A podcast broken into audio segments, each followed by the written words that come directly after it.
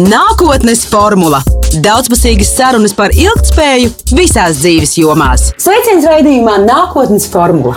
Visu procesu, domu, ideju un attīstības pamatā ir, manuprāt, trīs lietas. Pirmkārt, mūsu spēja domāt, tātad radīt jaunas idejas, kaut ko ģenerēt, inovēt. Otrām kārtām par to runāt, noformulēt vārdiski, sarunāties ar cilvēkiem, pārliecināt, iesaistīties, uzdot jautājumus, sagaidīt atbildes un beigās arī tās sadzirdēt.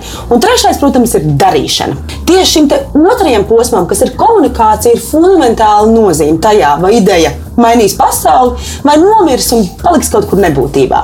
Tāpēc šodien raidījumā nākotnes formula par komunikāciju.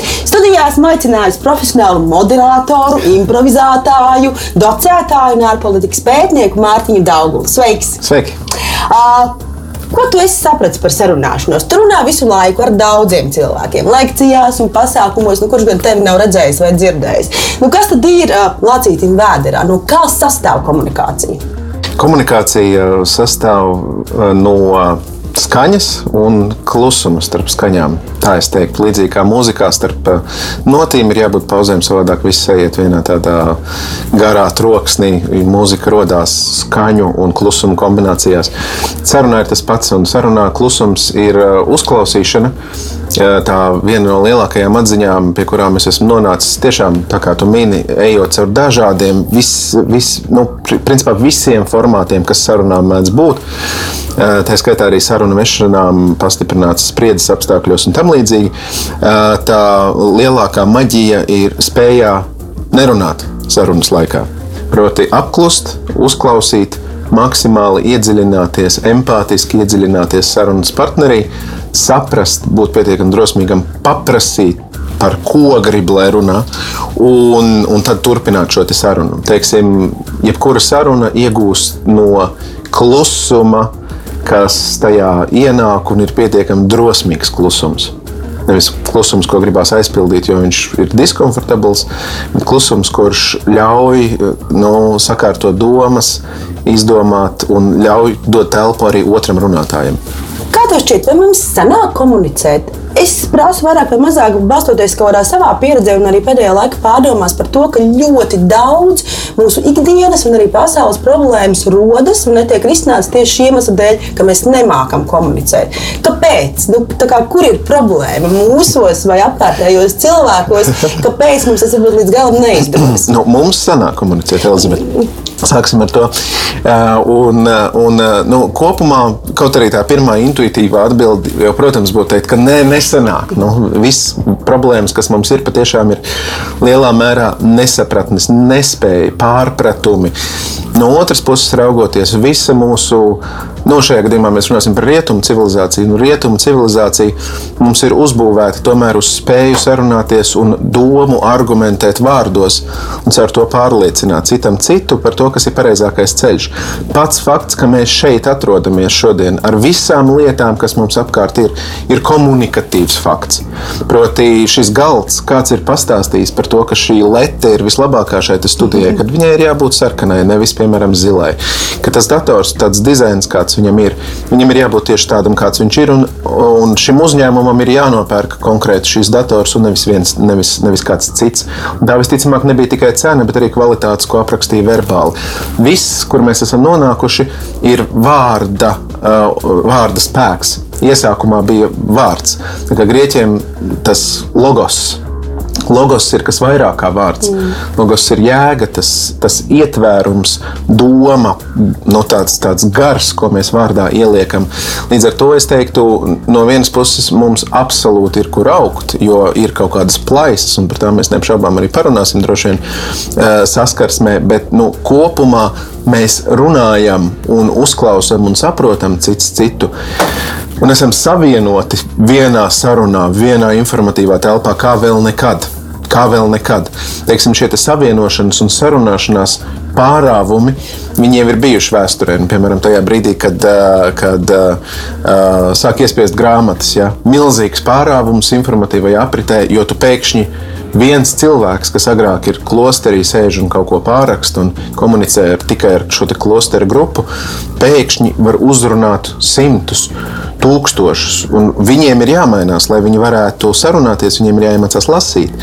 Un, un teiksim, man absolūti fascinē, ka agrākie domātāji tur, mm, Montesquieu, piemēram, viņam bija visas iespējamās grāmatas tajā laikā pasaulē. Tev bibliotekā ir visas grāmatas, kādas vien ir.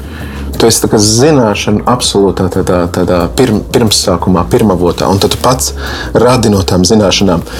Mūsdienās mums pilnīgi viss ir. Jūs varat atrast internetā, kā uztaisīt atombumbu, nav problēma ar to. Jautājums ir, kā to novest tālāk. Nu, teiksim, tā tās lielā zināšana kopa ir milzīgi pieaugusi. Tās mikrosarunas, viņas, nu, tomēr tur tās plaisas ir, tā plaisāšana notiek. Jā. Kā komunikāciju trenēt? Nu, kā tad vairot to mūsu spēju sazināties, sarunāties, uzdot jautājumus -hmm. un arī sadzirdēt? Pirmkārt, droši vien trenējuma lieta ir klusums.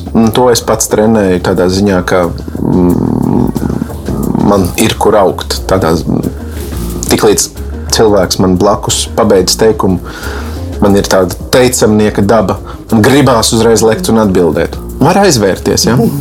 Paklusēt. Var paklusēt. Nu, tas ir, ir brīnišķīgs eh, eh, teiksim, paraugu stundas. Palūkojiet, kā medijos runā un mācieties no tā. Es tā baigi, tā kā patrunāšu, baigo iedot, bet es pats no viņiem mācos. Uh, ir uh, visi ļaudis, kas nodarbojās principā profesionāli un labi nodarbojās ar psihi, psihi, psihoterapiju, psihiatriju, psiholoģiju. Šī aktīvā klausīšanās ka tu ļauj cilvēkam pabeigt, un tad vēl ir kaut kāds mirklītis šīs aktīvās klausīšanās, jo iespējams tas cilvēks vēl kaut ko grib teikt, vēl kaut ko grib turpināt. Otra lieta, ko var trenēt, ir spēja pieņemt pretējus viedokļus. Nevis vienkārši ienīst un aizvērties pret šiem viedokļiem, kā nu, man besīja ārā tur politiķis X. Nu, viņš ir stulbens caurmērā. Neko no tā, ko viņš saka, nav vērts klausīties. Tā gluži nav. Katram cilvēkam ir lietas, kuras ir vērts klausīties un kuras nav vērts klausīties. Un pat ja viņš ir nu, netīkams mums politiski, ideoloģiski, viņa runai arī ir nozīme. Jo mēs varam saprast, kāpēc viņš tā domā. Un tad, eh, ja mēs sapratīsim, kāpēc viņš tā domā, mums būs lielāka iespēja atrast kopvalodu vai uzbūvēt kaut kādu tiltu, lai iespējams mainītu viņa domāšanas gaitu, bet arī tas nav nekur zvanīts, ka viņam būtu jāmainās. Bet atrast vismaz kaut kādu tiltu sarunai, tas varētu būt mērķis. Tad normāls treniņš ir ieslēgt, ieslēgt ieslēgt uh, internetu, televīziju, radio, uzklausīt kādu, kurš besīja ārā, un pēc tam mēģināt saprast šo cilvēku, kāpēc viņš runā, kā viņš runā, kāpēc viņš to dara, ko viņš dara. Bet tā kā tiešām saprast, nevis nu, viņš to dara, jo viņš ir uh, kaut kāds izdzimtenis. Nu, nē, tas nav visticamāk pareizais ceļš. Bet mēģināt viņu saprast, saprast, kāpēc tā ir. Un caur to arī, protams, saprast sevi kas ir tās vājās vietas, kas triggerē tevi, kas tev liek satraukties un, un, un, un, un ienīst, un nervozēt, un adrenalīnam parādīties un vispārējais. Jo ir brīži, kad adrenalīnam loģiski ir jāparādās arī sarunas laikā, lai varētu fokusēties un viss būtu forši. Bet katrā ziņā es teiktu, tāda drosme ieskatīties tajā, kas nepatīk, tā skaitā ieskatīties sevi un saskatīt sevī to, kas nepatīk. Tātad klusums un drosme. Tā būtu tā maģiskā formula, ko trenēt.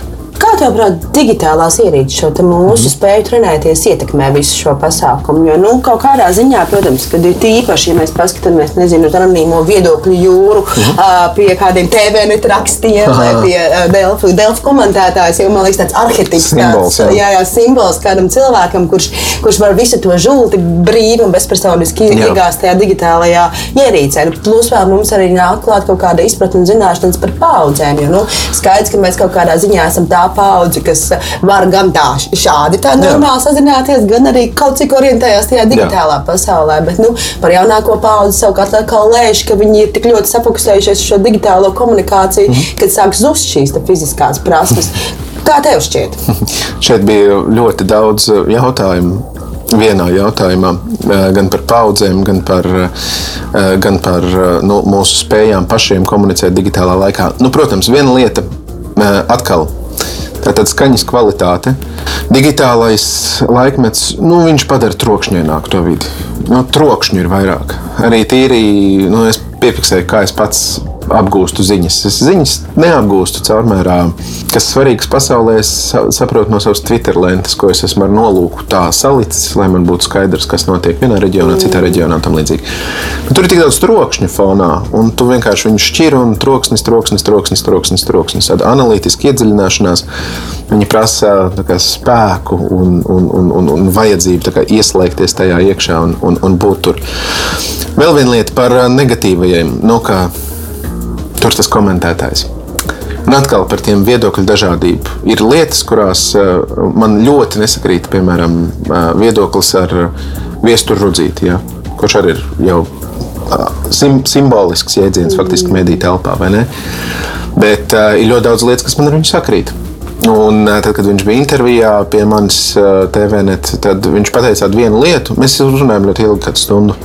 Bet viņš pateica vienu lietu, kas man tiešām, ko es esmu iemācījies no rudzīša, un kas man palīdz. Viņš saka, ja tu, ja tu esi, ja tev ir ideja, un ja tu par to ideju runā, tad, ja tu par to ideju runā, tad tev ir jābūt par, gatavam par to ideju arī nu, ciest. Ka tev ir durs, ka, tev, ka tu asiņosi no tā. Un agrāk tā bija fiziskā telpā, nu, tu nostājies tajā tirgus laukumā uz tās mucas, un tagad tu sludināsi īsteno reliģiju vai īsteno patiesību. Īstenībā logos. Vai, tev iedos pa muti. Rēķinies, ka tu dabūsi pa galvu. Iespējams, ka tev metīs ar akmeņiem, bet iespējams, un tāpēc tu tajā idejā esi investējies, ka tev sekos. Un tad un, un tev vienmēr būs ienaidnieki, un tev vienmēr būs atbalstītāji. Un līdz ar to tas punkts A būtu, nu, ja tu runā, kā, ja tu speak up, ja tu cel to balsi, tad rēķinies, ka tev durs tā ir. Tas ir pasaules dabā. Tiem, kas mazliet paceļās augstāk, ar to zobenu mēģināt viņiem nocirst galvu un dekaptivēt. Bet, eh, bet tajā pašā laikā tas ir tavs idejas vērtīguma apliecinājums. Ja tu esi gatavs, ka tev durs, bet tu reizē esi gatavs to ideju aizstāvēt un paust. Tā tad tu acīm redzot, esi ar viņu saudzes kopā. Tā tad ir tā vērts. Ja? Tātad, ja tev sitīs, un tu esi gatavs, ka tev sitīs, tas ir apliecinājums tev pašam, tava gatavība būt sistēmai. Kā ir kārtībā. Viss ir kārtībā. Tā, tā, tā ir tā ideja. Viņa nav kaut kur aizņemta, pārņemta vai varbūt bezjēdzīga. Ja tu esi gatavs viņas dēļ ciest, fine. Tā tad ir vērts iet uz priekšu. Otra lieta vienmēr var novilkt uh, personīgās robežas. Man, man ir tāds ļoti ietekmējis, kad pēc pārējais cilvēku domās, Daugula ir ietekmējušas divas lietas. Rudzīts un, Rudzīts un Džonijs Deps. Ček. Ček. Un uh, Deps ir uh, slavens, var, var YouTube palūkot ar savu nespēju komentēt savas filmas dažādos leitnēta šovos. Jā, nu viņš tur pie Lettermana, pie, pie, pie citiem tur, tur, tur ļaudīm visu mūžu garumā. Jā, tā tad Amerikā ļoti brīnišķīgi, ka tu nāc uz šovu reklamēt savu filmu un sevi un vispār, un tu esi gatavs un viss tik vibranti. Un, eh, un, un viņš nespēja. Viņam ir pat sakombinēts izgriezt, kuriem jātā, what about this film? Un viņu, Un tad vienā reizē viņam jau, nu kā tā, nu kā tu, kā tu nesaproti, nu kā, nu kā tu vari nezināt par savu filmu? Viņš saka, nu, bet es izdaru savu darbu filmēšanas laukumā. Kas notiek pēc tam, ir citu cilvēku darbs. Un caurmērā es savu darbu esmu izdarījis, un es jau skatos savu nākamo darbu. Un tas jau būtu priekš manis. Tur ir var strīdēties par to filozofiju, neapšaubām. Bet priekšdepa tā jau būtu tā staigāšana, gulēšana uz veciem lauriem, teiksim tā. Ja? Viņu tas neinteresē. Nu, es piekopšu šo stratēģiju bieži vien. Ir lietas, ko es tiešām skatos, ko es daru, mēģinu mācīties, un tas ir ļoti grūtas mācības stundas. Jo skatīties, kā tu dari lietas, man absolūti man, man nepatīk, ko es daru tad, kad es redzu to kadrā, bet es labi zinu to psiholoģiju fonā, kas ir. Tur ir jāpierod pie tās asimetrijas, pie tā cita balss reģistra, pie tā toņa un vispārējā. Un tad retu reizi es izpildu šo vingrinājumu. Bet visādi citādi, ja es kvalitatīvi gatavojoties, darot labāko, ko es varēju, to darbu esmu izdarījis. Tad, tad, tad viņš ir izdarīts. Un tad tu ej tālāk. Nav vērts man lasīt komentārus. Jo es jau, nu, nu ko es no tā iegūšu caurmērā? Es pēc labākās sirdsapziņas izdarīju savu darbu. Ja viņš ir slikts, Es jau tāpat izdarīju labāko. Nu, ko tad es tur, mm. nu, ko es tur izdarīšu, ko es paveikšu? Ja man ir kaut kas jauns, vai, vai es neesmu īsti pārliecināts par to, kas ir, kas nav, es pavisam noteikti pamērīšu to temperatūru. Es, es, ievilkšu elpu un ieniršu iekšā tīmekļa ārēs un paskatīšos, ko cilvēki par to domā. No tā es izvilkšu ārā kaut kādu sajūtu, kas ir tas, ko varētu darīt labāk. Ja? Jo, piemēram, nu, ļoti vienkārši pateikt, zini, visi komentāros tur ir idioti un lohi. Tā nav. Viņi pauž kaut kādu, uh, nu, jā, kaut kādu. Kaut kāda metrika tajā ir iekšā, kaut kāda sajūta tajā ir. Un iespējams, ka tu esi arogants, pārāk iedomīgs moderators vai paštaisnīgs, pārāk neksim, paštaisnums un fundamentālisms ir divas lietas, kas man principiāli reizēm biedē, bet tajā pašā laikā viņas principiāli ir vajadzīgas. Ja? Un tas būs tāds, tāda, tāda līdzsvara meklējuma vienmēr starp to, kur tev ir jābūt fundamentālistam un kur tev ir jābūt uh, atvērtam. Un tas ir, tas ir patstāvīgi atvērts, dinamisks ceļš, dialektika.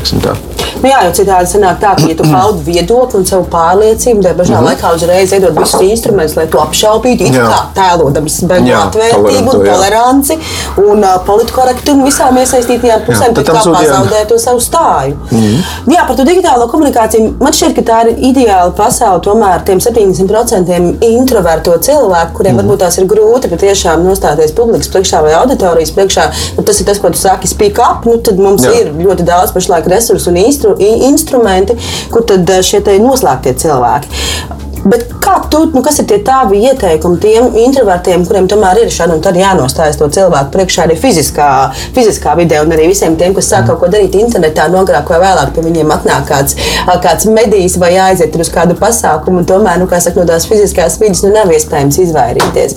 Mhm. Uh, tu esi bijis daudz saskarsmē ar improvizāciju, ar teātru un visu pārējo. Varbūt tev ir padomā kādi instrumenti, tehnikas un viss pārējais, nu, ko šiem cilvēkiem trenēt. Nu, kādā veidā man networking tīklo gatavošanās ballītē, sadūšoties un aiziet parunāties ar kādu augstāk stāvošu personu, vai iespējams man nākamo darba devēju, vai kādu kontaktu, ar ko es mhm. vēlos veidot savu biznesu. Nu, pirms gadiem, desmit, Es droši vien būtu uzreiz teicis, nu, nav nekas vienkāršāks no improvizācijas perspektīvas. Ej klāt un sāc runāt uzreiz to, kas tev ir iekšā, un aiziet. Un, un adekvāti reaģē uz to, kas notiek. Esmu mainījis savas domas tā perspektīvā, gan, gan, gan studējot sociālo antropoloģiju un skatoties, cik dažādi ir pasaule, gan, gan, gan domājot par tām lietām, gan lasot par tām lietām. Nav tā, ka visiem ir jāatbilst vienam komunikatīviem standartam teiksim, tas, ko mēs sagaidām, bieži vien sakam, pasakām, laba komunikācija. Un tad mēs sagaidām tādu, nu, ja tas ir tāds formāts, kur ir izklaide, tad mēs sagaidām rešetinu. Ja tas ir formāts, nu, tāds, tāds, tāds, tāds teātris, aktieris, ja? ja mēs sagaidām improvizāciju, tad mēs sagaidām Kasparu Breidaku. Ja mēs skatāmies ziņas, es ļoti ceru, tur, ka mēs sagaidām Dauguli, bet viņš jau ziņās sen vairs nav. Bet, cik es zinu, Latvijas telekom televīzijā vēl joprojām karājas mana bilde, kas, protams, ir paradoks un fani. Bet Bet, eh, ja mēs sagaidām profesoru, mēs sagaidām profesoru. Tas, uz ko es droši vien mudinātu, ir ticēt savam autentiskumam. Tam, ka tu esi labs, kāds tu esi, ja vien tu esi punkts A patiesa, pārliecināts par sevi. Un, ja tev, un, un, nu, tas, un, un tajā pašā laikā tu esi. Nu, uz pasauli vairāk vai mazāk uz tādu atvērtību vērsts, uz to, ka pasaulē apkārt ir, ir, ir, ir cerība vēl, jā, un ir labas lietas. Un ka mēs vairāk vai mazāk esam paši atbildīgi par savu dzīvi. Tātad pārnesot visu šo garo formulu uz ballīti. Ja ballītē par kaut ko runā grupiņa, kurā tu gribi iet iekšā, tad tu vari tajā grupiņā vislabāk iet iekšā ar pasakot kaut ko labu, kas apkārt notiek. Nu, vienkārši tu, tu, man patīk šis vārds penetration. Tā kā penetrē to grupu. Tu ieej viņā iekšā un saki, wow, garneļu salāti vienkārši superior. Tad, mm. tad viņi norauj jumtu šie garneļu salāti. Saimniece ir labi pastrādājusi. Kas viņus vispār taisa? Un tad iedod jautājumu cilvēkiem, lai viņi var pateikt kaut ko. Nevis tu ienāc iekšā ar savu paštaisnu. Par ko jūs runājat? Par karu Irākā. Tas viss ir. Kas tur nu, tad izvēlēs vienkārši vienu no spārniem. Ja? Vai tas viss ir labi, vai tas viss ir slikti. Atnāc, pateic, nomet mikrofonu, drop the mic. Nu, tagad diskutēsim. Nu, nē, nu, tu jau esi pateicis, ka tu visu zini pasaulē, un ar tevi viss ir beidzies. Tā tad ienākt, noreflektēt uz kaut ko labu, kas apkārt ir, kas dod drāvu, kas dod cerību, un atvērt jautājumu Diez vai var arī uz negatīvu atvērt jautājumu. Diez, diez vai mēs rīt no rīta pamodīsimies visi no šiem garneļu salātiem. Nē, nē, nu, ja tāds pietiekami paš, pašapziņīgs, tad kaut ko tādu varētu. Bet caurmērā um, pateikt kaut ko, kas, kas ir labs. Mm -hmm. Un tad uh, atvērt jautājumu. Un tad jau cilvēki paši pateiks, par ko tālāk saruna ir. Un tad tai formulē vienkārši sekot. Ja tu gribi, lai cilvēks tev līdzās runā ar tevi vairāk, viņu var uh, pārfrāzēt visu laiku. Kā, vai es tevi pareizi sapratu, vai es tevi pareizi sapratu? Ja? Tad cilvēks saka, hmm, rekur mums muzikālais noformējums šodien ir brīnišķīgs barokāls ansamblis. Jā, barokālā ansamblī acīm redzot, ir kaut kas brīnišķīgs. Tu vienkārši tādā formātā pasaki, un viņš turpinās. Viņš teiks, jā, man ļoti patīk stīgu kvarteti un vispārējais. Un tā saruna notiek, kā iedot cilvēkam cieņu un ļaut viņam izteikties, pateikt savu viedokli uzdot jautājumu. Tas ir tas, kas šo tādā balīšu formātā šo sarunu varētu risināt. Nu, protams, ja mēs ejam pie medijiem ārā, tas ir atkal cits formāts. Formāti ir tūkstošiem, un, un katram ir sava specifika. Arī tur iespējams nav nepieciešams visu laiku replicēt vienu un to pašu universālo tēlu, ko māca kursos un tam līdzīgi. Bet būt autentiskam un godīgam. Jā. Tajā brīdī, ja tu jūti, ka kaut kas ir nu, tā kā, nu, tad tu godīgi saki, kā ir. Bet tas nozīmē, ka tev tam godīgumam arī ir jābūt pret sevi pašu. Tu nevari mēdījiem paņemt un uzbraukt un pateikt, ziniet, visi mēdīji ir lohi. Es pieņemu, ka daudz mēdīju ir lohi. Absolūti. Tāpat kā lielākā daļa. Nē, Bet liela daļa, ne lielākā, liela daļa cilvēku, kaut arī kurš kur Vanagūts man nepiekrist, bet liela daļa cilvēku arī ir saudabji. Ja? Bet tu nevari uzskatīt, ka visi tādi ir. Atkal iekrist tādā fundamentālismā. Ar mēdījiem nerunāju principiāli, jo viņi visi ir sarosīti, uzpirkti un vispārējais. Ja tu ej no tādas platformas, tad uh, nu, grēks jau teikt, bet tu vari palaist garām kādu mediju, kurš patiešām ir ieinteresēts. Nu, varbūt ir dzimis pēkšņi kāds apdāvināts žurnālists, kurš patiesi līdz kaulam grib noskaidrot patiesību. Viņš pie tevis ir ieradies un tu viņu atraidi skumji apš, neapšaubāms skumji. Mm. Tātad, ja tu esi godīgs, tad tu esi godīgs tomēr ar tādu domu, ka tu ieliec arī kaut kādu cerības apjomu tajā partnerī, ar ko tu runā, ka arī viņš ir godīgs. Vismaz starta pozīcijai vajadzētu, manā skatījumā, jo ir citas skolas. Ir skolas, kas saka, iznīcina pretinieku uzreiz, un miers un dievs. Bet es nepārstāvu to skolu. Ja? Es tā kritiski skatos arī uz sevi. Mana skola ir tāda, iedod, iedod iespējas arī tam otram cilvēkam, un tad viņš iedos iespējams iespējas tev. Ja neiedos, nu, tad jau sākās cita spēle. Cik liela nozīme ir nezinu, tā spējai kontrolēt mimiku, žestu valodai, nu, tā pašai stājai mm -hmm. un mhm. visām pārējām lietām, nu, tām tehniskām lietām ap mm -hmm. to visu. Nu, kā es izskatos, kā es stāvu, kā es runāju. Uh, tam ir jābūt obligāti simtprocentīgi vienmēr kombinācijā ar to verbālu apgalvojumu, ko es saku. Vai es varu, kā saka, ļau, justies brīvi un arī nākt, nākt varbūt publikas priekšā runāt tur kedās un tekaklā un, kā saka, aizmirst varbūt tās par šīm formālajām prasībām, kur arī pareizi, kā saka, rokas grāmata man teiks, ja, kā man uzvesties, kā, kur ko turēt, kā izskatīties un tam līdzīgi. Nu, tāda bišķiņa teātris spēlē. Jā. Bet tas man bieži vien neiet kopā ar to galveno lietu, ko tu saki ar to godīgumu. Jā. Tas ir daudzslāņains jautājums, mm, ko tu noformulē. Tāda ātrā atbilde iespējams, ka tur nav. Tur drīzāk ir meklējuma ceļš katram cilvēkam, lai viņš atrod līdzsvaru starp tām formas un satura lietām. Bet sākt jau gribētos ar to, ka jautājums, vai nošķīrums, tā forma un saturs vispār ir kā tāds. Jo uh, tas nāk no senā dalījuma starp dvēseli un miesu. Ja? Nu, tam nav baigta atšķirība. Dvēsele un miesa vai runa, runas saturs un runas forma. Tas ir dalījums, kas saka, ka viens ir no otra nošķirts, un, uh, un, un, un, un viens sēž spīšļos, bet otrs pacelsies debesīs. Faktiski viņi ir diezgan vienoti. Un, uh, un tas nozīmē, ka, ja tu, uz, uz, tu neskaties uz saturu un formu, bet skaties uz formu, saturu, satura formu, domu formu, tad, uh, tad tu vienā brīdī saproti, ka sēdēt, uh, nu, cik nu var ar taisnu muguru, vai stāvēt, cik nu var stalti ar pleciem atpakaļ. Viņš sakārto tavas domas. Nav tā, ka tie ir nošķirti pasākumi. Es arī domāšu vienu un stāvēšu citādi. Sakumpašu muguriņu. Jā, ja, tas tāds riedeklītis. Bet visticamāk, tās domiņas jau arī tādas riebeklīgas būs. Un tad vēl iesmēja kaut ko pa tā. Jā, nē, nu nē. Nu, ja tu, ja, ja tu nostāsies stalti, tad tavas domas arī visticamāk būs staltas. Tu būsi pārliecināts par sevi. Ja tu nesagumsi, tad visticamāk, tev, un tur ir fizioloģisks pamats. Ja tu sagumsti, tu saspiedi savus plaušiņus, tur saku, man ir tāds jēdziens, izslīdēt gurniņā. Ja, tā prisēs nebedro krieviski. Tu izslīdēsi gurniņā, tev sliktāk strādās elpošana, tev sliktāk strādās elpošana, tev sliktāk strādās domāšana. Tu nevarēsi domas salikt kopā. Kas ir domas? Sinapses, kurš, kuras pārlec, kurām pienes skābekli un viss pārējais. Un caur to tu sitīsi pa savu domāšanu. Un tad, kad tu sitīsi savu domāšanu, tev būs grūtāk būt godīgam. Jo tu glābsies kaut kādā brīdī, tev, tev šķitīs, ka kaut kas nav lāgā, un, un tu sāksi izmantot kaut kādas lietas, ko visādi citādi tu neizmantotu, kā uzbrukt pretiniekam, melot pasargdievs vai kaut kādas citas padarīšanas.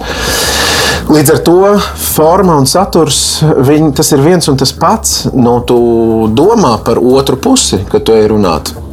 Un ja tu saproti, ka otrai pusē ķēdes traucēs, jo viņi skatīsies uz kedām, nevis klausīsies tevī. Un tad nevelc tās kedas. Jo kedas nomāks uh, skatu no tevis, no tavas domas, bet tava doma jau ir tā, tas, ko tu vēlēsies nonest otram cilvēkam. Tā kā, ja tu dodies uz korporatīvu pasākumu un uzvelc to uzvalku, jo tur tā ir daļa no kultūras, daļa no etiķetes. Protams, nu, nē, nu, es uzvilkšu lielā parūku un zeltainu džemperi, jo, jo man vajag, lai man ievēro ievēros tavu lielā parūku un zeltainu džemperi, bet vai ievēros tavu domu? Nu, tas ir tāds kontekstuāls jautājums, vai viņi ievēros. Visticamāk, jau ka nē. Līdz ar to nu, pielāgoties mazliet, mazliet pielāgoties auditorijai, lai viņi sadzirdētu tevi, bet lai viņi nenomāktu tavus puķa tetovējumus, kurš ir apkārt pa kaklu un kur galva beidzās kaut kur šeit pie actiņas. Uh, tas, ir tas, tas, tas ir tas, par ko mums vajadzētu padomāt. Viņš sajiet roku rokā ar empātiju pret klausītāju, ka tu taču vēlies, lai tas klausītājs tevi sadzird. Un tad tu izdari maksimumu, lai viņš tevi sadzirdētu, un reizē esi, esi atkal visu laiku un vienmēr godīgs pret viņu. Kā runāšana auditorijas valodā? Tu esi arī strādājis ar dažādām uh -huh. auditorijām, tu viņus maini, un iespējams, to pat uh mhm. -huh. vienas dienas laikā ir ļoti dažādi cilvēki un auditorijas, kam tev ir jārunā. Kā tu pielāgo šīs valodas? Vai tev, ir, vai tev ir savs vārdu krājums, ko tu atsijā vienai, otrai vai trešai? Vai, vai tu, es nezinu, mašīnā tev varbūt ir trīs dažādi drēbju komplekti, kur tu ej otrā vai trešā, trešā skatuvē? Jā, nu, jā, jā, protams, ir, ir, ir bijušas kaut kādas situācijas, kad tu tur pārģērbies vai, vai kaut ko tam līdzīgu dari jo formāti vienkārši atšķirās. Izklaides formāts vai, vai kāds oficiālāks formāts.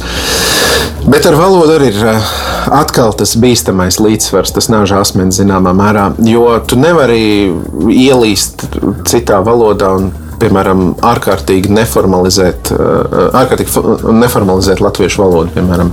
Tas ir mana vaina, mana vislielākā vaina, reizēm es, es savu vājumu dēļ es cenšos ļoti sākt izmantot kaut kādus žargonu vārdus. Tas ir mans vājums, nevis mans spēks.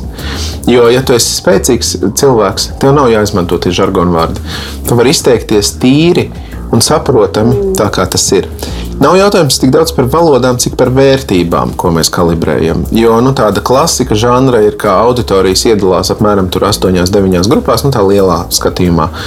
Sākot ar jaunākām auditorijām, beidzot ar vecākām auditorijām, gadi ietekmē, kā mēs uztveram lietas bet vērtību ziņā. Es saku vēlreiz, ne valodas ziņā.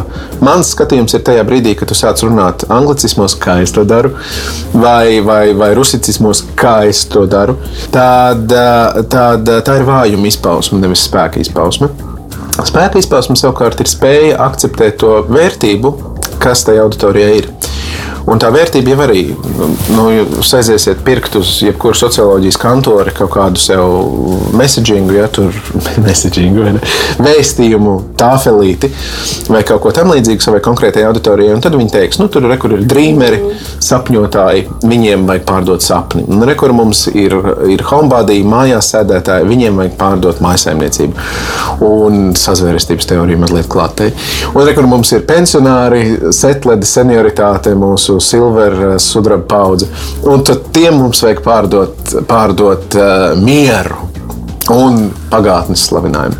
Uh, bet īstenībā tas atkal ir vecais senais dalījums no jūdiem uz grieķiem, no konservatīvāka uz brīvāku, no kop, kopīgāka uz individuālāku. Un tas svārsts, viņš visu laiku svārstās. Un, ja tu iemācies cienīt to, ka patiešām runājot ar, ar sudraba paudzi, nevis tāpēc, ka viņi to grib dzirdēt, bet tāpēc, ka viņiem ir pamats to dzirdēt. Tev savu tēmu ir mazliet jāievērš caur to, ka viņa nav radusies šeit. Tu neesi ģēnijs, kas ir kaut ko izgudrojis šajā konkrētajā mirklī. Šī doma ir attīstījusies simtgadēm un tūkstošgadēm līdz tev ir nonākusi. Un tad tu iedod to cieņu pret to pagātni. Un tad tu runā ar to cilvēku, kurš ir gados. Nu, iedod cieņu viņam. Tas, ka viņš ir šeit, ir arī tas, ka tu esi šeit. Jo mēs kā, mazliet vienmēr ironizējam. Padomu laika paudze, seski tādi, ar kādām tiesībām viņi vispār vēl dzīvo. Un, nu, kā tā, tā, viņi taču ir ideoloģi. Bet tava atrašanās šajā pozīcijā, tava jaunā cilvēka atrašanās šajā pozīcijā, tu stāvi uz viņu pleciem caurmērā.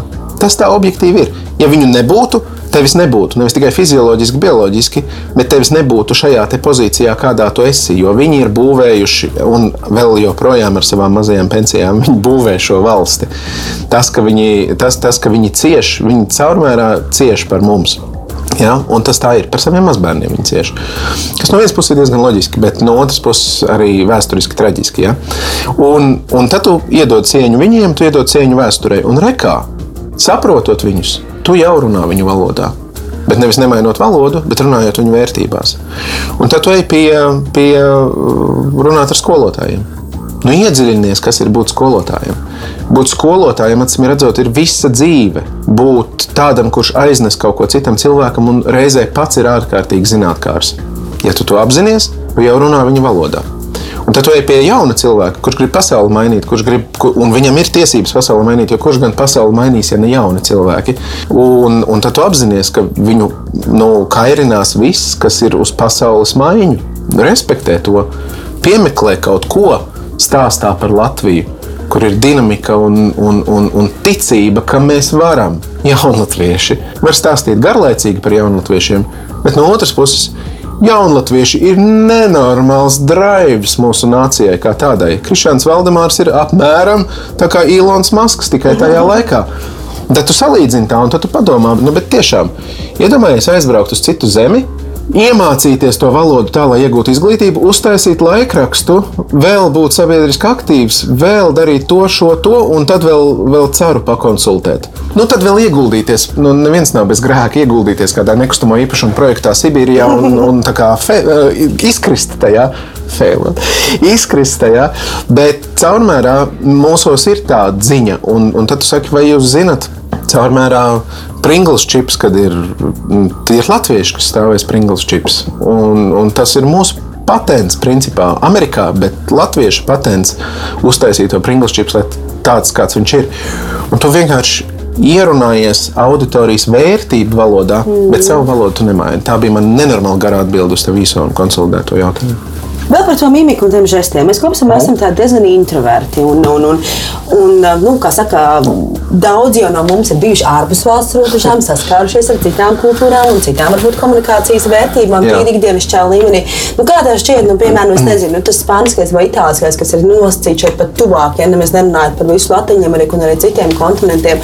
Tā visa spēja apskauties, bučoties ar pazīstamiem, nepazīstamiem, sarokoties, skaļi smieties tā skaitā. Ja šeit tas būtu tā tāds sliktais tonis. Ja, nu, piemēram, tur Spānijā vai Latvijā ir kā tas ir labais tonis, skaļi smieties, tas nozīmē, ka tu atklāti paudi savas emocijas. Ja. Vai tas palīdz uzbūvēt tādu uh, ilgspējīgu komunikāciju, vai tomēr. Skaļi smieties? Tā skaitā, bet vienkārši aktīvi paust, dzīvi paust tās emocijas. Nu, tā. un, un, un dažkārt man liekas, ka tas mūs bišķiņi arī ierobežo un nobremzē tā mūsu tā, tā iekšējā kultūra. Jo man ir bijis iespēja padzīvot kādu brītiņu Latviju Amerikā, un es atbraucu atpakaļ divreiz skaļāka, divreiz priecīgāka, divreiz. Un man liekas, ka es iegūstu tādu komunikācijas tādu būstu, izmantojot slavenos mm -hmm. anglicismus, tādu pamatīgu poti tajā enerģētikā. Es viņu reāli baudīju. Man liekas, ka tas ir superīgi tādā veidā cilvēku cilvēkiem komunicēt. Un šeit man tā ļoti ātri aplausa spārnus. Es atkal sāku smieties pieticīgi un klusiņām un, un tā ievērot visas pārējās, kas saka, pieklājības normas, kas mums ir ierastas. Bet man liekas, ka tā, tā emocionālā saikne tajā komunikācijā kaut kādā ziņā negūst tādu pilnvērtīgu izpausmi. Kā tev šķiet? es tad nodalītu droši vien divas lietas, ko es uzdošu tev pretjautājumu. Vai tiešām tas tiesības smieties skaļi tiesības pieskarties nepazīstamam un tāda aktīva emociju paušana, vai tas ir tas, kas tev to laimes sajūtu piešķīra, vai tas ir kaut kas pavisam cits. Tas ir kā ankurs, mēs pie šī atgriezīsimies pēc mirkļa. Tā doma ir, ir tāda, ka, manuprāt, nevajag bērt pelnus sev galvā par to, ka mēs esam piemēram šajā reģionā naturāli klusāki, vai jo tālāk uz ziemeļiem, jo, jo, jo noslēgtāki tā ir un tā reizē nav. Jo tas, kas tevī uh, visticamāk besīja ārā, vai patiešām tas ir, tas ir tikai tas, tie parametri, ko tu kā skaņu pultī uzgriezi skaļāk, un ka viņu šeit nav. Visticamāk, jau ka nē. nē. Kas tas ir? Kas tevi kaitina? Jo mani kaitina tas pats. Es katru reizi, kad atbraucu no ārvalstīm, Tā izskaitā no ziemeļiem. Nu, teiksim, mans fetišs ir ziemeļi. Man patīk doties uz ziemeļiem. Šad, tad, kā es to sapratu, vienkārši lai būtu uz ziemeļiem. Bet, bet es atgriežos atpakaļ un es jūtos tieši tāpat kā tu no dienvidiem. Varbūt atgriezeniskā saite, vai tas nav stāsts par to klausīšanos? To... Jā. Jā. Vai tas nav stāsts par to, ka, piemēram, Somijā policists ar mani runājot, viņš redz mani. Viņš saka, neskatās man garām. Nē, Latvijā arī policisti visu cieņu, viņi arī skatās man virsū. Bet pats fakts, ka cilvēki komunicē, nu jā, man ir klasika, es iebraucu kaut kādā ceļmalas kafejnīcā. Nopirkt kafiju diezgan tālu no, no Helsinkiem, kaut kur ārpilsētā. Un uh, ir vēls vakars, un cilvēks saka, ah, reku pie kafijas, reku mums ir bulciņas palikušas pāri no dienas. Droši varat ņemt, kur gribat un apēst. Un tu tajā brīdī domā, kam tev tas? Kāpēc tu man dod to? Ko tu no manis gribi, lai es maksāju klāt? Nu, nē, nu, tā pirmā reakcija, ka kaut kas nav tīrs tajā. Jo redz, Latvijā es neesmu saņēmis bulciņu vienkārši tāpat. Alā, jo cilvēks ir ieraudzījis, ka es esmu noguris un ka es gribu bulciņu. Vai ka viņam neko nemaksā to bulciņu man atdot, jo tāpat viņi sakaltīs un viņi būs jādod kaķim. Es tā domāju, ka kaķis varētu Somijā ēst bulciņu. Bet iespējams tas, kas tev kaitina, nav vai mani kaitina, nav klusums vai skaļums. Bet uh, tīri tādas uh, cilvēciskas lietas kā cieņa, kā uh, neskatīšanās otram virsū naidīgi, kā skatīšanās otram virsū, tā kā otra cilvēka redzēšana, vispār kā paskatīties otram virsū, otra cilvēka sadzirdēšana, un tam otram ir grūti pacelt čemodānu, tad rokas pielikšana un palīdzēšana viņam to čemodānu pacelt. Un tās, manuprāt, ir, ir, ir divas dažādas kvalitātes. Tas nav viens un tas pats, tās ir divas dažādas lietas. Man šķiet, ka Latvijā mēs esam tādi neiecietīgi. Iecietīguma, neiecietīguma uh, robeža ir tā, manuprāt, kur mums būtu caurmērā, kur augt. Man ir lakmus papīrs, un tas ir uh, paceļot ar bērnu. Teiksim, Tu paceļo ar bērnu, un tur cilvēki izturās citās zemēs, tic vai nē, bet izturās mazliet savādāk. Viņi skatās bērnam virsū, viņi uzsmaida. Ja? Pārmaiņas pēc. Pārmaiņas pēc. Viņi, tev, viņi saprot, ka nu, ar bērnu ir tā klamzīgāka tā ceļošana, ka viņi tev palaiž kaut kur pa priekšu. Ne tāpēc, ka likums to nosaka, bet tāpēc, ka to nosaka elementāra pieklājība, piemēram. Viņi var pienākt klāt un vienkārši parunāties. Mm. Un man ir tāds sens stāsts, tas gan no dienvidiem, no Spānijas, kad, kad pienāk klāt un, un, un, un, un saka vecākiem, kāds kungs viņš pienāk klāt un ļoti lauzītā angļu valodā. Viņš saka, um, mans bērns vakar bija tādā vecumā, kā jūsējais divgadnieks. Un šodien mans bērns ir tādā vecumā kā jūs. Novērtējiet, kā skrien laiks. Un, nu, Fantastiski! Vesela filozofija aiz diviem teikumiem. Jā? Trīs dienas par to domāju. Trīs dienas par to kontemplē. Un, un, un vēl tagad atceros. Un, un tā ir tā cilvēcība, kas ir tajās attiecībās. Es nesaprotu, kāpēc. Es nesaprotu, kāpēc. Ka katru reizi, kad es atgriežos no citurienes Rīgā, Pirmais, eh, es absolūti rēķinos, varbūt tā ir tā problēma. Bet pirmais, ko es dabūnu, ir kaut kāds komunikatīvais sitiens pa kaut kurieni. Man kāds, eh, kāds kaut ko uzbrauc pa ceļam, jā, man, man kaut kas šķiet neadekvāts. Man, man, man, man, man liekas, ka es esmu atgriezies neiecietīgākā zemē. Un, eh, bet tajā pašā laikā, iespējams, katru reizi, kad es atgriežos, tā zeme kļūst iecietīgāka. Tad tas aicinājums būtu neskatīties tik daudz uz tiem ārējiem parametriem, jo, piemēram, tev smieties ir labi skaļi. Man varbūt nē. Mm. Tas tā ir iespējams. Un introvertums ir dabīgs stāvoklis, nevis laužams stāvoklis. Tas ir pilnīgi normāli būt klusam cilvēkam un vērot pasauli. Tev nav jābūt pēkšņi skaļam un, un uz ārā vērstai personībai. Tu esi uz iekšā vērsta personība. Tev ir milzīgs potenciāls, jo tu, jo tu domā lielākos soļos. Tu iespējams nonāksi pie citiem secinājumiem, jo tu dod sev laiku pie tiem secinājumiem nonākt. Un ir labās un sliktās puses abiem šiem tipiem. Līdz ar to es neteiktu, ka tev vajag mākslīgi mainīt. Ko gan, gan ekstravertiem, gan introvertiem vajag darīt? ir mēģināt ieraudzīt to otru cilvēku kā cilvēku. Mm. Un saprast, ka tu neesi unikāls ar savu kaut kādu, nezinu, dievišķo dabu, ka visiem ir dievišķas dabas. Un tā kā mēģināt tā tolerantākiem būt vienam pret otru. Jā. Šajā, šajā lietā es tiešām esmu to, tolerances un cieņas aizstāvis pret visiem. Ja?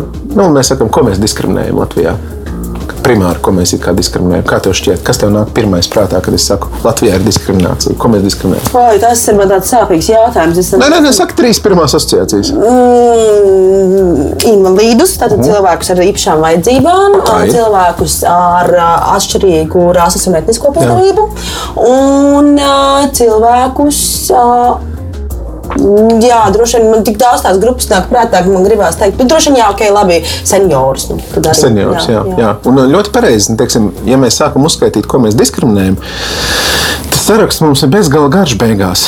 Jo, piemēram, tāpat es esmu absolūti laimīgs, ka tu minēji senioritāti, jo vecus cilvēkus mēs absolūti diskriminējam. Līdz tam, un šeit es izmantoju arī pašu, pašu senioritātes viedokļus, piemēram, Latvijas pensionāru savienības vadītāja viedokli. Viņš saka, Tiklīdz tu kļūsti par pensionāru, tev sabiedrība lēnām garā Latvijā sāk ieņemt racionalitāti. Sāk domāt tavā vietā. Un redz, kā tu esi vecs. Klausies, nu tev jābrauc dzīvot pie mums uz dzīvokli. Tu taču vecs, tu netiec galā. Nē, es tieku, šis ir, šīs ir manas mājas. Netiec, netiec. Vispār pansionātā tev būtu labāk. Nē, es varu vēl, es labāk nomirstu mājās. Nē, nē.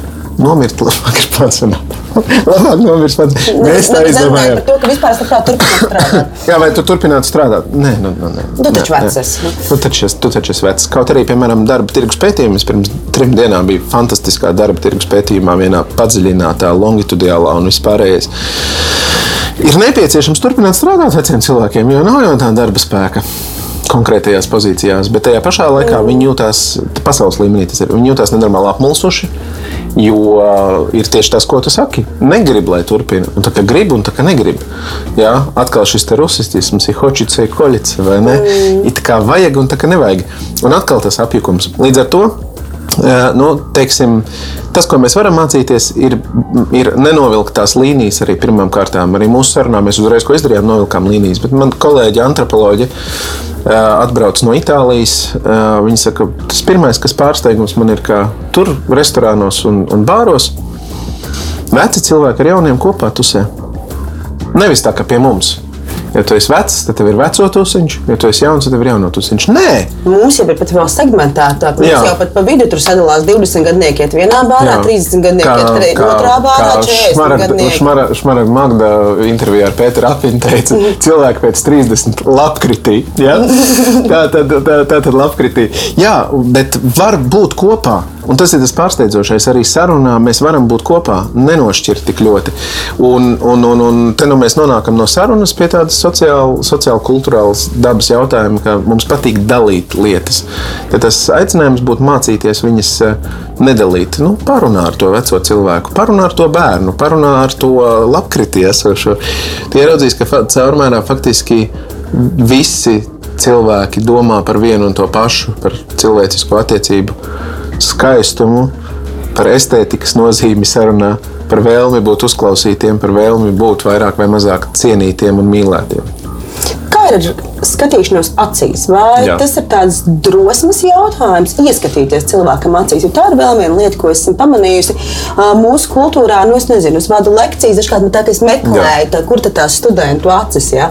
Tāpat arī pasākumos vai vēl kaut kā tam līdzīga, tikko tu kaut kur uzstājies un gribi tad, nu, kaut kādā veidā rast šo saikni ar, ar, ar auditoriju. Protams, tam ir visādi mm -hmm. triki un mehānismi, ko izmanto tādi profesionāli pasākumu vadītāji, moderatori kā Mārtiņš Kalns un, kā saka, jūsu kolēģi. Tas bija labs atgādinājums, ar ko rīt saruna. Jā, jā, jā, Saprast, jā. Un, saruna. nu, tāds, nu, kad, nu, it kā, Jā. bet, nu, aizmirstot par visām tehnikām un instrumentiem un to, kā mēs varam viņus pieslēgt, jebkurā gadījumā, ja acu kontakts, mm. -hmm. auditorijās, pasākumos, uz ielas, ja tas ir kaut kāds arī drosmes jautājums, vai tas ir kaut kas atsevišķs, vai pieder pie tā, ko mēs jau izrunājām. Wow! Tev vajadzētu izdot grāmatu Elizabetes 101 jautājums par lietām, kas noved pie patiesības. Um, tas ir, um, ir formāti, kas pieprasa acu skatu. Un ir formāti, kur uh, atkal nu, var teiksim, ļauties kaut kādai autentiskākai lietai, jo, ja, piemēram, es, uh, es domāju citur. Teiksim, es skatos virsū vienā gadījumā, un tad es domāju citā gadījumā, jo es, es meklēju šos vārdus un teikumus, un, un staigāju pa savām atmiņu pilskāpnēm un, un tam līdzīgi. Man, man, man skatiens ir kaut kur citur. Bet tad, kad es tev kaut ko būtiskāko gribēšu pateikt, vai es gribēšu tevi sadzirdēt, jo šī saruna ir mazliet interesanta ar to, ka tu vairāk uzdod jautājumus, un es vairāk atbildu, un to acīm redzot, sagaida skatītājs. Bet, ja es gribētu viņu izvērst kā sarunu, tad neapšaubām man vajadzētu skatīties tev virsū, lai es varētu uzdot tev jautājumu, nu, ko tu par to domā. Kā tev par to ir? Tajā brīdī, ja tu gribi sadzirdēt, ko otrs cilvēks, nu, mm, ka viņš ir tā vērts, nu, tad tev viņam virsū ir jāskatās. Nu, tu nevari viņam uzdot jautājumu, nu, ko tu par to domā, Elizabete, vai ne? Un skatīties sienā. Nu, nē. Un tajā brīdī, kad tu paskatīsies viņam virsū, tad jau visticamāk kaut kas tur notiks. Tu skaties otram virsū un klusē, visticamāk, ka viņš sāks runāt. Bet ieskatoties, Redz, tu sāc runāt. Nu, jā, par to, nu, jā, tā kā tas ir, tas ir jā, dr- drosme, dr- nu, tas droši vien prasa kaut kādu drosmes koeficientu. Es nezinu, man ļoti patīk cilvēkam skatīties acīm. Jā. Es nezinu, vai tas eh, šī gadījumā es neesmu sapratusi, kā tas ir no tās otras puses. Kāpēc tad viņi tā kaut kā, kāpēc tie studenti un kāpēc tie cilvēki vis kaut kur ir visur riņķī apkārt, bet nekad nav gatavi šai konfrontācijai. Nu, redz, tāpēc, ka tu pati to nosauci, tu, tu tajā brīdī iespējams, ka tu pārāk daudz skaties virsū cilvēkam. Mm. Tu viņu izsauc uz konfrontāciju. Bet viņš nav gatavs būt izsaukties uz konfrontāciju, jo viņš nejūt, ka tā ir konfrontācija. Ka tai vajadzētu būt konfrontācijai. Vai lekcijai vajadzētu būt konfrontācijai? Nē. Un, un jā, Nu, dažreiz tā jā, brīdī, jā. dažreiz nē. vai ne? Un iespējams, ka cilvēks tajā brīdī, kad tu viņam pie tam tev acis ir tādas, uh, nu, nav tās mazākās kā man. Jā? Un, uh, un attiecīgi, tu skaties viņam virsū, un viņš iespējams netur. To viņš netur spriedzi, viņš netur slodzi no tā, jo skatīties virsū, nu, fizioloģiski jau tu, tur ir savs kaujas elements. Nu, mēs jau esam dziļākajā savā būtībā, mēs esam dzīvnieki. Un arī ārējā savā būtībā mēs esam dzīvnieki. Un tajā brīdī, kad tu skaties kādam virsū, iespējams, viņš to iztulko kā aicinājumu uz kauju, kā to, ka tu centies varbūt būt hierarhijā augstāk par viņu. Tāpēc viņš dabīgi novēršas, pieņemot savu hierarhisko vietu un saprotot, ka tu esi augstāk, viņš ir zemāk. No tā. Līdz ar to tas nav tik viegli, starp citu, skatīties otram cilvēkam acīs. Jo tas automātiski nozīmē, nu, ka tev ir uh, Līdzatbildība. Jā, līdzspēks vajadzīgs tam. Līdzspēks, Jā, un uh, ne visi ļaudis ir, ir absolūti tādi spēcīgi un enerģiski, un ne viņiem obligāti tādiem būtu jābūt. Mm. Var uzdot jautājumu un tad ļaut cilvēkam aizklīst skatienā. Lai viņš klīst, jo iespējams tur, kur viņš klejo savā ārēs, savos skatos ārā pa logu, viņš atradīs kaut kādu baigo ideju, un tad viņš tev viņu atnesīs atpakaļ. Protams, ir šie formāti, kas ir, kā, ko es iesaku, absolūti kā tiešas, dinamiskas, ātras intervijas, kur uh, ir jāatbild. Nu, tur ir jāskatās virsū otram. Jo tur ir ar katru teikumu, ko tu saki, tev ir jāsaprot, kā viņš uz to reaģē, kādu viņš dod ķermeņa valodu. Vai viņš māja ir galva un saka, jā, vai viņš velk elpu, un tev ir jāuztver tas mirklis, kad viņš velk elpu un pašam jāapklust. Atkal formātu dažādības pieņem ir tas, par ko mēs runājam. Vai publiska komunikācija pat šī gadījumā nedomājot par to, ka mēs esam obligāti uz skatuves un liels auditorijas priekšā, bet vairāk vai mazāk, jebkurā gadījumā vienkārši mūsu ziņa aiziet daudz cilvēkiem. Vai tā ir lielākā, lielāka atbildība no tāda morālā viedokļa, no ētikas viedokļa? Jā, vai tajā brīdī, kad tu runā, tev jābūt atbildīgam par tiem vārdiem, ko tu jā, runā. Pareizi. Jā, bet es domāju, nu, vai tavuprāt šī te, atbildība aug tādā geometriskā progresijā līdz ar auditorijas kvantitāti, vai tā atbildība saglabājas tāda pati kā mums viens pret viens sarunā? Un tas ir jautājums par tavu godīgumu. Jautājums ir, vai mainās tavs godīguma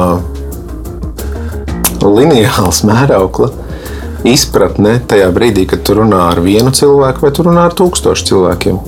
Un, manuprāt, nē. Manuprāt, ja tu esi godīgs, tad tu esi godīgs līdz galam. Nu, ja šeit ir krūzīte, un, un tu saki, tā ir krūzīte, nav tā, ka mēs aiziesim uz arēnu Rīgā, tad es teikšu, nē, zinu, tā ir pudele. Nu, visticamāk, ka nē. Protams, ka mainās kaut kādas lietas, atkal nu, runājot ar auditoriju. Droši vien, ka mēs tā a priori paredzam, ka sarunā viens uz vienu mēs esam atklātāki par kaut kādām lietām. Bet uh, es nedomāju, ka tam vajadzētu būt. Ir tāda skola, ko es sludinu Latvijas tiesnešu mācību centrā, kad tiek mācīti jaunie tiesneši, arī advokāti, tā skaitā kopā ar manu pārinieku Mārciņu Viļumu, kurš ir prokurors. Un tā skola ir tāda, ka kamera nekad neizslēdz. Tā saucās šī skola. Tad pie atnāk pie tevis, tevi intervē, izslēdzās kamera, un tad tu saki, nē, nu, bet zini, īstenībā ir tā un tā un tā un tā. Un tā. Kā saka, vienmēr visas labākās sarunas ir aizskatāmas. Jā, nu, tā ir problēma. Mm. Tā ir problēma. Tas nozīmē, ka tur tu biji kaut kāds cits, un tad tu esi tomēr kaut kāds beigas savādāks. Idejas kamera nekad neizslēdzās. Tu aizies mājās, lokus tomēr vaļā. Nu, varbūt arī nevajag uzreiz sabrukt. Tur ir cieto loku. Nu, varbūt jāsabrūk tikai naktī. Un tad ir jautājums, kāpēc jāsabrūk naktī? Varbūt nevajag sabrukt vispār. Varbūt tad esi tāds, ka tev nav jāsabrūk. Nu, e, e, mēģini būt tāds. Tas, protams, ka nav ārkārtīgi viegls pasākums, jo mēs ik pa laikam ieslēdzam kaut kādu lomu, un tad mēs sākam izlikties. Tas ir normāli, un izliekās visi. Un, un tad man ir cilvēki teikuši, Mārtiņ, tu esi tik dažāds. Tu esi tādā auditorijā, tu runā tā, tādā auditorijā, tu runā tā, tu esi divkos, kaut kāds pilnīgs absolūts divkos, es visticamāk. Nu, es mēģinu būt maksimāli patiesa gan tajā auditorijā, gan tajā. Nu, ķermenis kaut kur uzvelk kaut kādu, kaut kādu citu toni, acīm redzot. Kaut kādas citas asociācijas parādās, cita tā sociālā loma ieslēdzās. Bet nu, maksimāli vismaz to verbālo ziņu, ko mēs dodam, nu, dodam visur vienādu. Ja es tev saku, ka manuprāt, svarīgākais labā sarunā ir, ir autentiskums, iespēja robežās godīgums pret sarunas partneri, jo tas arī ne, nevienmēr ir tik viegli, tad uh, citā sarunā man vajadzētu teikt to pašu. Mm. Visticamāk. Vai ne? Nevis nomainīt sev. Nevis nomainīt. Bet uh, es gribu paturpināt par to, ko tu minēji par to morālo atbildību. Nu, ja tu runā ar auditoriju, nu, apzināties, ka tu esi atbildīgs par to, ko tu saki, un ka tavi vārdi var ietekmēt auditoriju. Kāds viņus var sadzirdēt? Ja tu runā ar kādu, arī kāds cits var sadzirdēt. Un līdz ar to, ja tu sludini, uh, nezinu, apakalipsi, badu, mēri un nāvi, tad kāds var sadzirdēt un izdomāt, ka viņš ir bats, mēris vai nāvi. Vienkārši rēķinies ar to. Ja tu sludini, ka kādu vajag nodurt vai nosist, rēķinies, ka no taviem vārdiem var izrietēt, ka kādu nodur vai nosit. Un tas kāds mm. var būt tev tuvs cilvēks vai tu. Jo naids rada naidu caurmērā. Un, un, un mēs esam atbildīgi. Nu, tajā brīdī, kas ir skatuve, es tagad paskatīšos, ja es viņu apgriezīšu otrādi to krūzīti, es mēģināšu viņu izdarīt līdz galam. Nu, teci, teci ārā. Pagaidi, pagaidi. pagaidi. Būs? Ja? Būs, jā. Tā tad, kas ir skatuve? nu, tu uzkāp uz viņas, un tas ir paaugstinājums un starmešu gaisma. Un autentiski uzreiz cilvēki tevi dzirdēs labāk. Tikai tāpēc, ka tu esi uz skatuves. Tu vari teikt to pašu, ko es sacīju šeit, bet paaugstinājums viena aiznes tev, tavu, tavu tekstu tālāk, tavu balsi tālāk. Tev sadzird vairāk. Mm. Ja tīpaši, ja tu vēl esi kalna galā, tad tev sadzird vēl pavisam daudz ļaužu. Tu esi atbildīgs par to, ko tu saki. Jo, jo kāds, kāds sadzirdēs. Un tāpēc um, Nu, es ieteiktu būt uzmanīgiem cilvēkiem, kas mūsdienās sludina, ka viss ir slikti. jo ir lietas, kas ir slikti, un ir lietas, kas nav slikti. Bet ka vajag kaut kā atrisināt, iznīcinot kaut kādu konkrētu cilvēku grupu. Saka, nu, kurš tad šodien to sludina? Bet, ja mēs izējām tā pa pakāpēm, mēs ļoti daudzi sludina kaut ko izolēt un iznīcināt. Jā, nu, tā kā iztīrīt. Mm. Es ieteiktu būt uzmanīgiem un atbildīgiem par to, ko mēs sakām. Tādā ziņā arī tā skaitā, nu, ja mēs sludinām it kā labās lietas, nu, atnākam un sludinam, ko mēs varētu sludināt tādu, kas ir tāds kontroversiāls. Beztauku piens. Jā, es gribēju teikt, tas ir vegāniskās kaut kas tāds - gaļas. Beztauku piens. Mēs pilnīgi sagāžam studiju no, no, no kaislības par šo tēmu. Nu, klasika tādā ziņā. Beztauku piens, viss forši, daļa no dzīves stila, jauki, jauki, jauki, bet izrādās vidēji eh, dramatisks posts dramatisks posts, jo kaut kur tos taukus vajag izskalot. Un tad, kad tu viņus izskalo, kur tu viņus izskalo, tu vai upītē, kur tad citur viņi paliks. Un, eh, un ne jau tāpēc zivis tagad kļūs resnāks un laimīgāks, jo viņām būs piena tauki. Nu, nē, tur ir posts. Atkal, nu, es esmu eh, pēc dabas faktiski nu, tāds libertānistisks daļai konservatīvs, bet ar cieņu pret cilvēku individualitāti.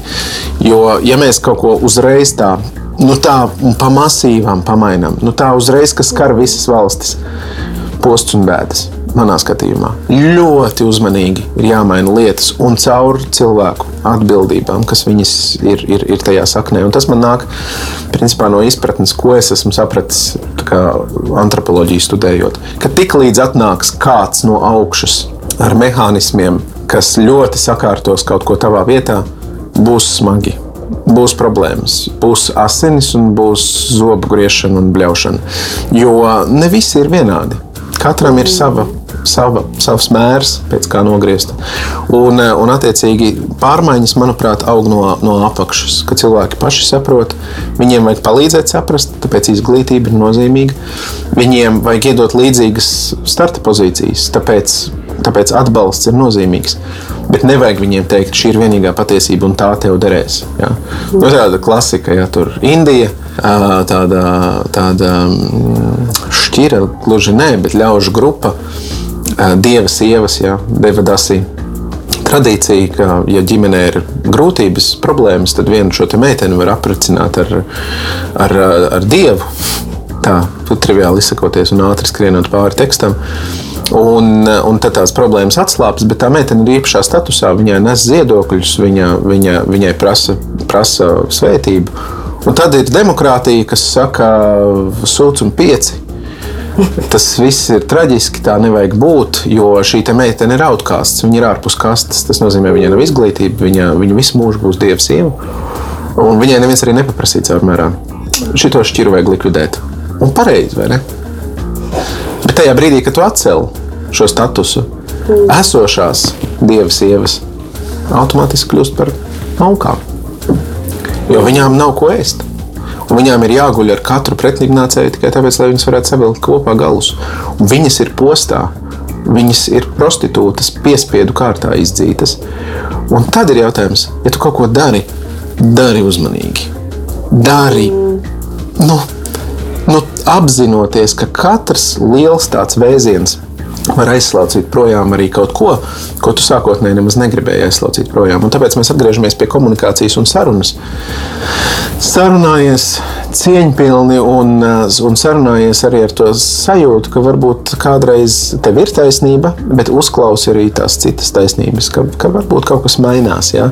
Nu, tādā reliģiskā pārliecībā es, es neesmu tāds reliģisks cilvēks, bet tādā dzīves stila pārliecībā es esmu daoists arī attiecībā uz valsti. Mm. Ja tu cep zivtiņu, cep viņu tā, lai nepārceptu, nebaksti viņu par daudz. Nebaksti lietas par daudz, tu vari vienkārši viņu samīcīt to zivi, un tev nebūs ko ēst. Viņa būs slikti, slikti sacepta zivs. Nu, apmēram tā. Vai tu tici, ka visiem šiem jautājumiem ir iespējams panākt kompromisu? Es ticu, ka apgriežot krūzīti un noliekot uz letes, pat ja viņi ir savus riņķītes, paliek tāpat. Jā. Jā. Kompromiss ir. Es nezinu, vai var atrast kompromisu, bet pavisam noteikti var atrast tiltus kaut kādus. Es nedomāju, ka cilvēks var pārliecināt mm. līdz galam, bet var atrast telpas, kurās tomēr mēs varam satikties un sarunāties. Un tās telpas ir jāciena. Piemēram, rietumu sabiedrībā ņem kā gribi, Bet tā telpa ir runas brīvība. Mēs Tur ir. visi varam izteikties. Mēs varam izteikties, var nepatikt. Mm. Es uzskatu, ka tā ir telpa, kurā nodrošina mūsu eksistenci. Nu tā, kā, kā cilvēku ļaužu grupas, lielas ļaužu grupas, mm. okeāna krastos, mēs, mēs, mēs turamies uz to. Un, uh, un uh, tādas lietas kā kaut kādas runas, runas brīvības ierobežojumi, manuprāt, viņi ir bīstami. Ja? Nu, es kā, kā komunikators varu pateikt, manuprāt, ka viņi ir bīstami. Un, un, un tāpēc uh, un, un, un izteikšanās. No tev ir jādomā, ja tev ir kaut kas tik ārkārtīgi triggerē, ka tas ir, kad, kad kāds cits izsakās par kaut ko, piemēram, atkal nu, naida runa, vai ne? Tad tev ir jābūt spējīgam arī pamatot, kāpēc tā ir naida runa. Nevis vienkārši pateikt, man liekas, ka tā ir naida runa, bet nē, kas konkrēti tajā ir tas bīstamais. Kurā mirklī cilvēks aicina uz vardarbību? Jo mums jau likumi ir, ir, ir spēkā. Vardarbība, no acīm redzot, tad tev tur ir jāpierāda, ka viņi tur ir. Nu, ja tu to spēj pierādīt, manuprāt, ir iederīgi, ka tu šo cilvēku sauc pie tiesas, kurš saka, iesim, taisīsim genocīdu. Nav tas forši. Genocīds nav foršs. Bet, ja cilvēks saka, ej, jūs visi esat idioti un kretīni, un mana dzīve ir uh, slikta, tāpēc, ka jūs tādi esat, nu, aiziet. Te ir pamats faktiski sarunai, jo iespējams viņam ir taisnība. Iespējams, viņam ir taisnība. Nu, tad mēģinam konfrontēt, tad mēģinam, mēģinam runāt ar to. Un, uh, un var tā būt, ka jūs neatrodat, ne ar visiem ir jāatrod kopvaloda. Valodas var būt daudz. Neatrodat kopvalodu, labi. Šis cilvēks dzīvo savu dzīvi, tu dzīvo savējo. Tu nenodod savus ideālus, viņam ir tiesības nenodot savējos ideālus. Tik tālu, kamēr netiek nodarīts pāri cilvēka pamatiesībām. Ja? Un rietumu sabiedrības pamatiesības, manuprāt, ir, ir nu, jāņem vērā. Un viens no pirmajiem pantiem cilvēktiesību hartā, pirmais pants, pareizāk sakot, skan, ka cilvēkam ir tiesības uz cieņu. Arī tas ir daļa no, ja? nu, lai kā mēs sarunātos, pazemot otru, tas nav forši. Tā ir daļa no, no cieņas. Mēs pieskārāmies mūsu sabiedrībai, Latvijai, uh -huh. latviešiem. Kā mums valstiskā līmenī veicas ar šo starptautisko komunikāciju, tā mēs varētu teikt, to, to, to, to tā, nacionālā, uh -huh. nacionālā teiksim, tā, jā, līmenī, vai mēs spējam sarunāties, nezinu, Eiropas Savienības līmenī, varbūt arī plašāk. Kā tu vērtē šos teiksim, tādos lielos, lielos uh, griezumos? Nu, es domāju, ka tas progress tur ir ārkārtīgi strauji novērojams, jo lai kas faktiski es tagad tā tiešām domāju, ka, ka visi ļaudis, kas nokļūst, nu nē, ne, atkal nekritīsim fundamentālismā, bet vairums ļaužu, kas nokļūst gan ierēdniecībā, gan, gan vēlētos amatos Eiropā, ir tā vērti. Mm. Ir tā vērti. Un, uh, mums ir pazudis tas, tas nu, zināmā mērā, nu, kaut kāds tāds provinciālisms. Tur ir tā spēja runāt, tur ir, tur ir varēšana runāt, tur arī ir ideja, ko nest. Nu, ja mēs paskatāmies uz Eiropas Savienības augstāko ierēdniecību, tie ir mūsējie. Tie latvieši. Ja? Ilza Johansona mm. minama kā absolūts piemērs izcilā, izcilam tādam ierēdniecības uh, mūžam kas noved pie tā, ka ir īstais cilvēks īstajā vietā, kuram tu absolūti vari ticēt. Jaunievēlētie Eiropas parlamenta deputāti, jā, nu, nav jau šaubu par viņu spējām. Nav šaubu par viņu spējām. Cits jautājums ir, kāds ir viņa ideoloģijas, bet katram ir sava ideoloģija, kas ir. Bet, nu, ja viņi tur ir, tad viņi tur ir. Nu, izņemot dažus, protams, kas kaut kādā veidā ir iešļukuši līdzi uz, uz kaut kādas inerces vai citas loģikas bāzes. Bet, uh, Kas ir tas? Es domāju, ka tas, ko mēs vienmēr esam meklējuši, nav tik daudz kaut kādas valodas prasmes, kas arī ir būtiskas. Mēs esam meklējuši to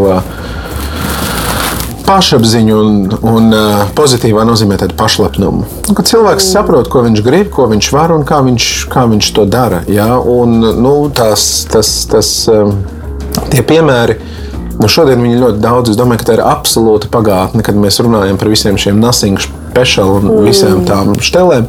Jo tur jau arī nu, tas nothing special, viņš jau no tāda, es, es tā domāju, no, no kaut kādas tādas. Nu, pašcieņas kaut kur tur pazuda. Un kāpēc mana interpretācija? Kāpēc? Nu, ja reko jārunā angliski, bet es angliski tā īsti ne, ne, nesaprotu, nu, labi, pielāgošos tur kaut ko, jo nu, tur jau savādāk mani tur kaut kā necienīs, vai kas nezinu. Un, un rekur, atkal problēmiņa. Nu, varēja jau runāt, runāt latviski, caur tulku.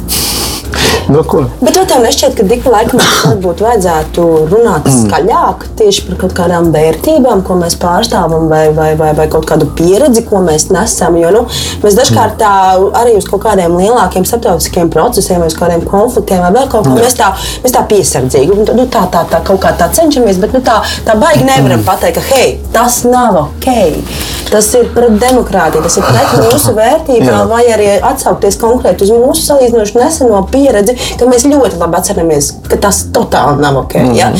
Nesauksim, nav jārunā par konkrētiem notikumiem kaimiņu valstīs pēdējo, pēdējo 5, 7 mm -hmm. gadu laikā, bet es uzskatu, ka mēs kā valsts esam bijuši pārāk klusi, pārāk mm neaktīvi un ka šajos, šajā situācijā mums vajadzēja izmantot šo savu starptautisko balsi un būt tādiem pārliecinātākiem par sevi.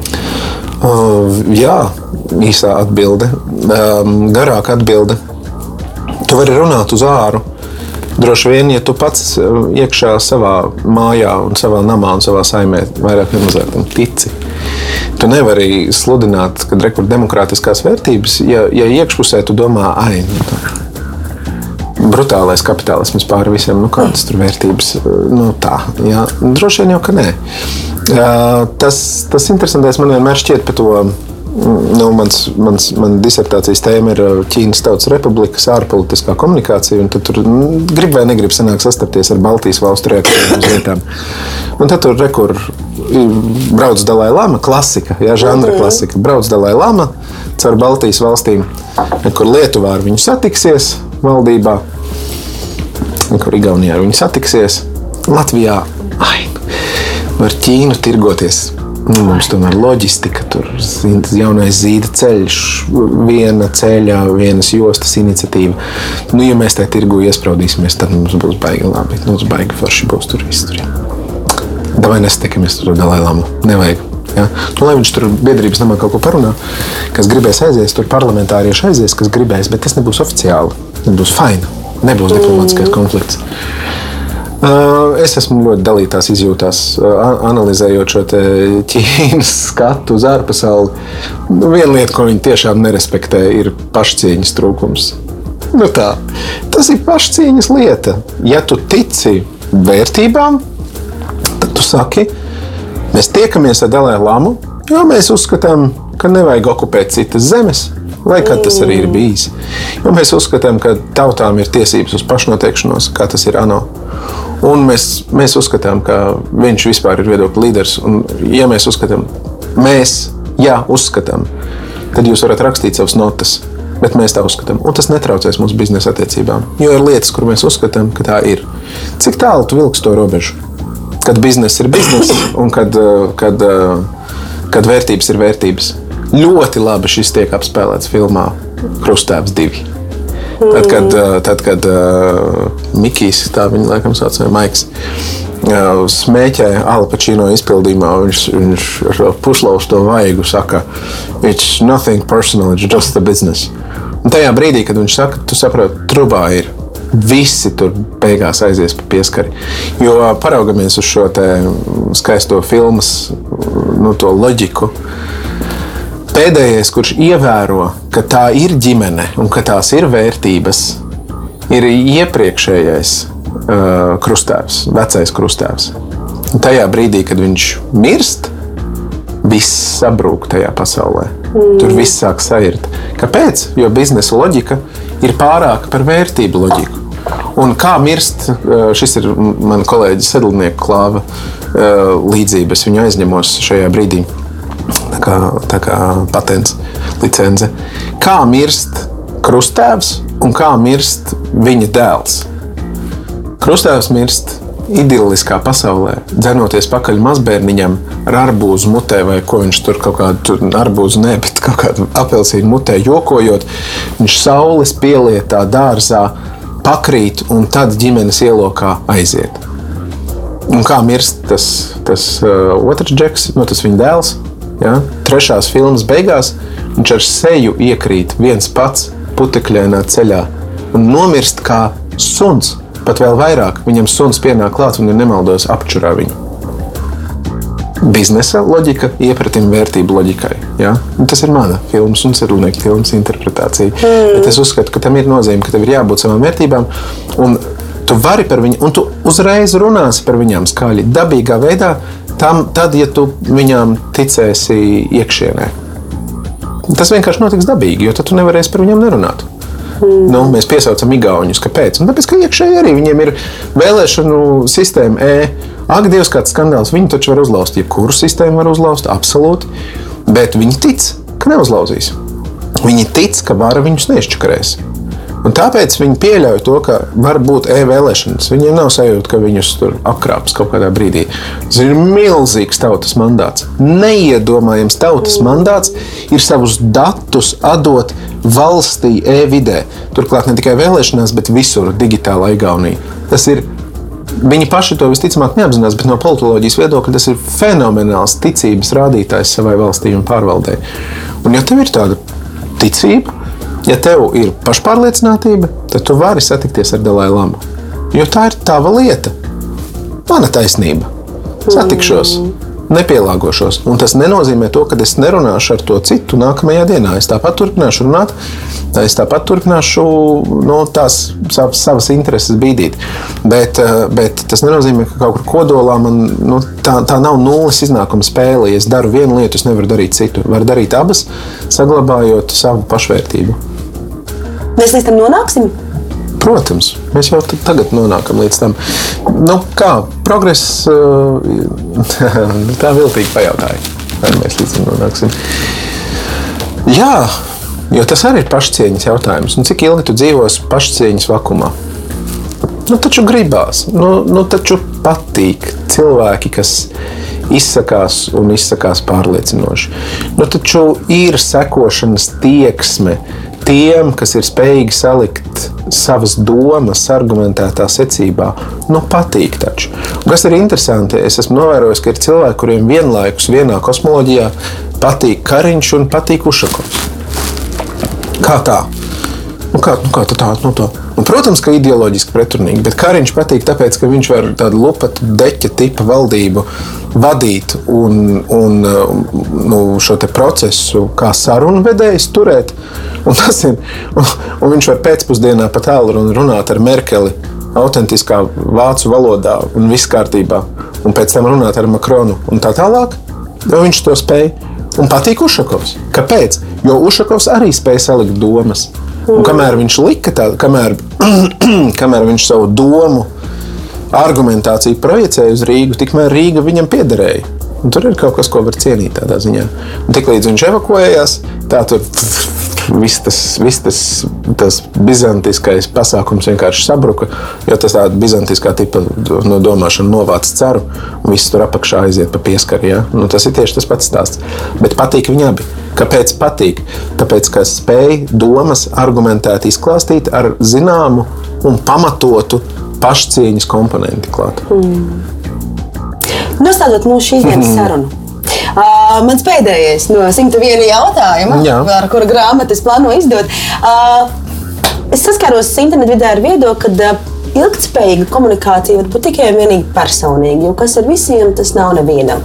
Bet tu uh, piekristu šādam apgalvojumam, vai kā tu varētu komentēt šādu apgalvojumu? Mm, jā, ilgspējīga komunikācija. Mm, es, uh, Ilgspējīga komunikācija jau nenozīmē, ka viņa ir absolūti iekļaujoša komunikācija. Nu, tā kā visiem un, un, un nevienam. Ilgspējīga komunikācija jau ir cilvēka dzīve. Nu, tajā brīdī, kad tev komunikācija vairs nav ilgspējīga, tad tu sāc krist ārā. Un uh, caurmērā tad uh, beigās tu paliec cilvēks kā vientuļa sala. Uh, un, un tad tu izvēlējies vispār nekomunicēt. Un tad tu esi viens. Nu, ja tev tas patīk, tad forši. Nu, ja nepatīk, tad rēķinies caurmērā ar to. Ilgspējīga komunikācija ir iespējama ne tikai. Uh, nu kā, ilgspējīga komunikācija ir tik ilga, kamēr tu esi gatavs runāt, tikmēr viņa ir ilgspējīga. Valstī tieši tas pats, jebkurai kopienai tieši tas pats. Tik ilgi, kamēr mēs komunicējam, tikmēr, tik, tikmēr viņa ir ilgspējīga. Mēs cenšamies runāt. Kad mēs pārstājam censties runāt, Kāds bija tas teiciens? Runāšanas līdzība ir domāšanas līdzība ir mūzes, vai ne? Kad uh, lielgabali runā, mūzes klusē. Es domāju, ka mūzes klusē ir liels potenciāls sākt runāt lielgabaliem.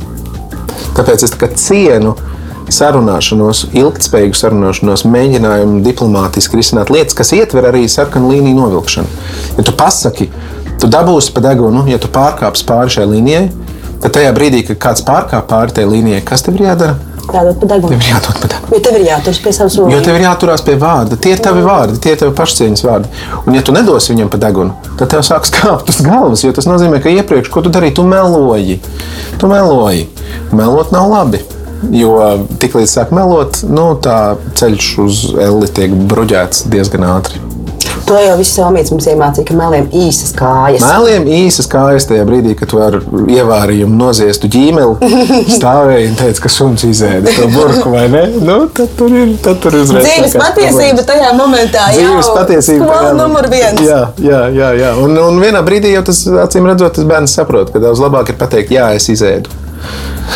Kur ir mans sots? Es esmu gatavs to pilnībā uzņemties. Nu, es, ja mūs klausās bērni, sakiet tā, jā, izdariet blēņas, jo blēņas ir jādara. Tas ir normāli, jo blēņi ir integrāla dzīves sastāvdaļa.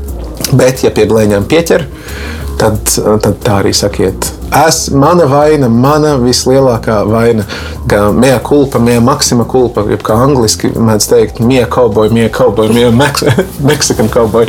Ja, un, un, un, un viss, un ja tu tā pateiksi, cienījamais bērns, un tā skatoties acīs, kā Elizabete to māca, tad, nu, kuram vecākam celsies roka, tev arī baigi sodīt, jo tas būs vienkārši šarmants mirklis, kad kāds atzīstās, ka ir izēdis burku. Paldies tev par šīs dienas sarunu. Paldies tev! Raidījums tapis sadarbībā ar Nacionālo elektronisko plašsaziņas līdzekļu padomi sabiedriskā pasūtījuma ietvaros.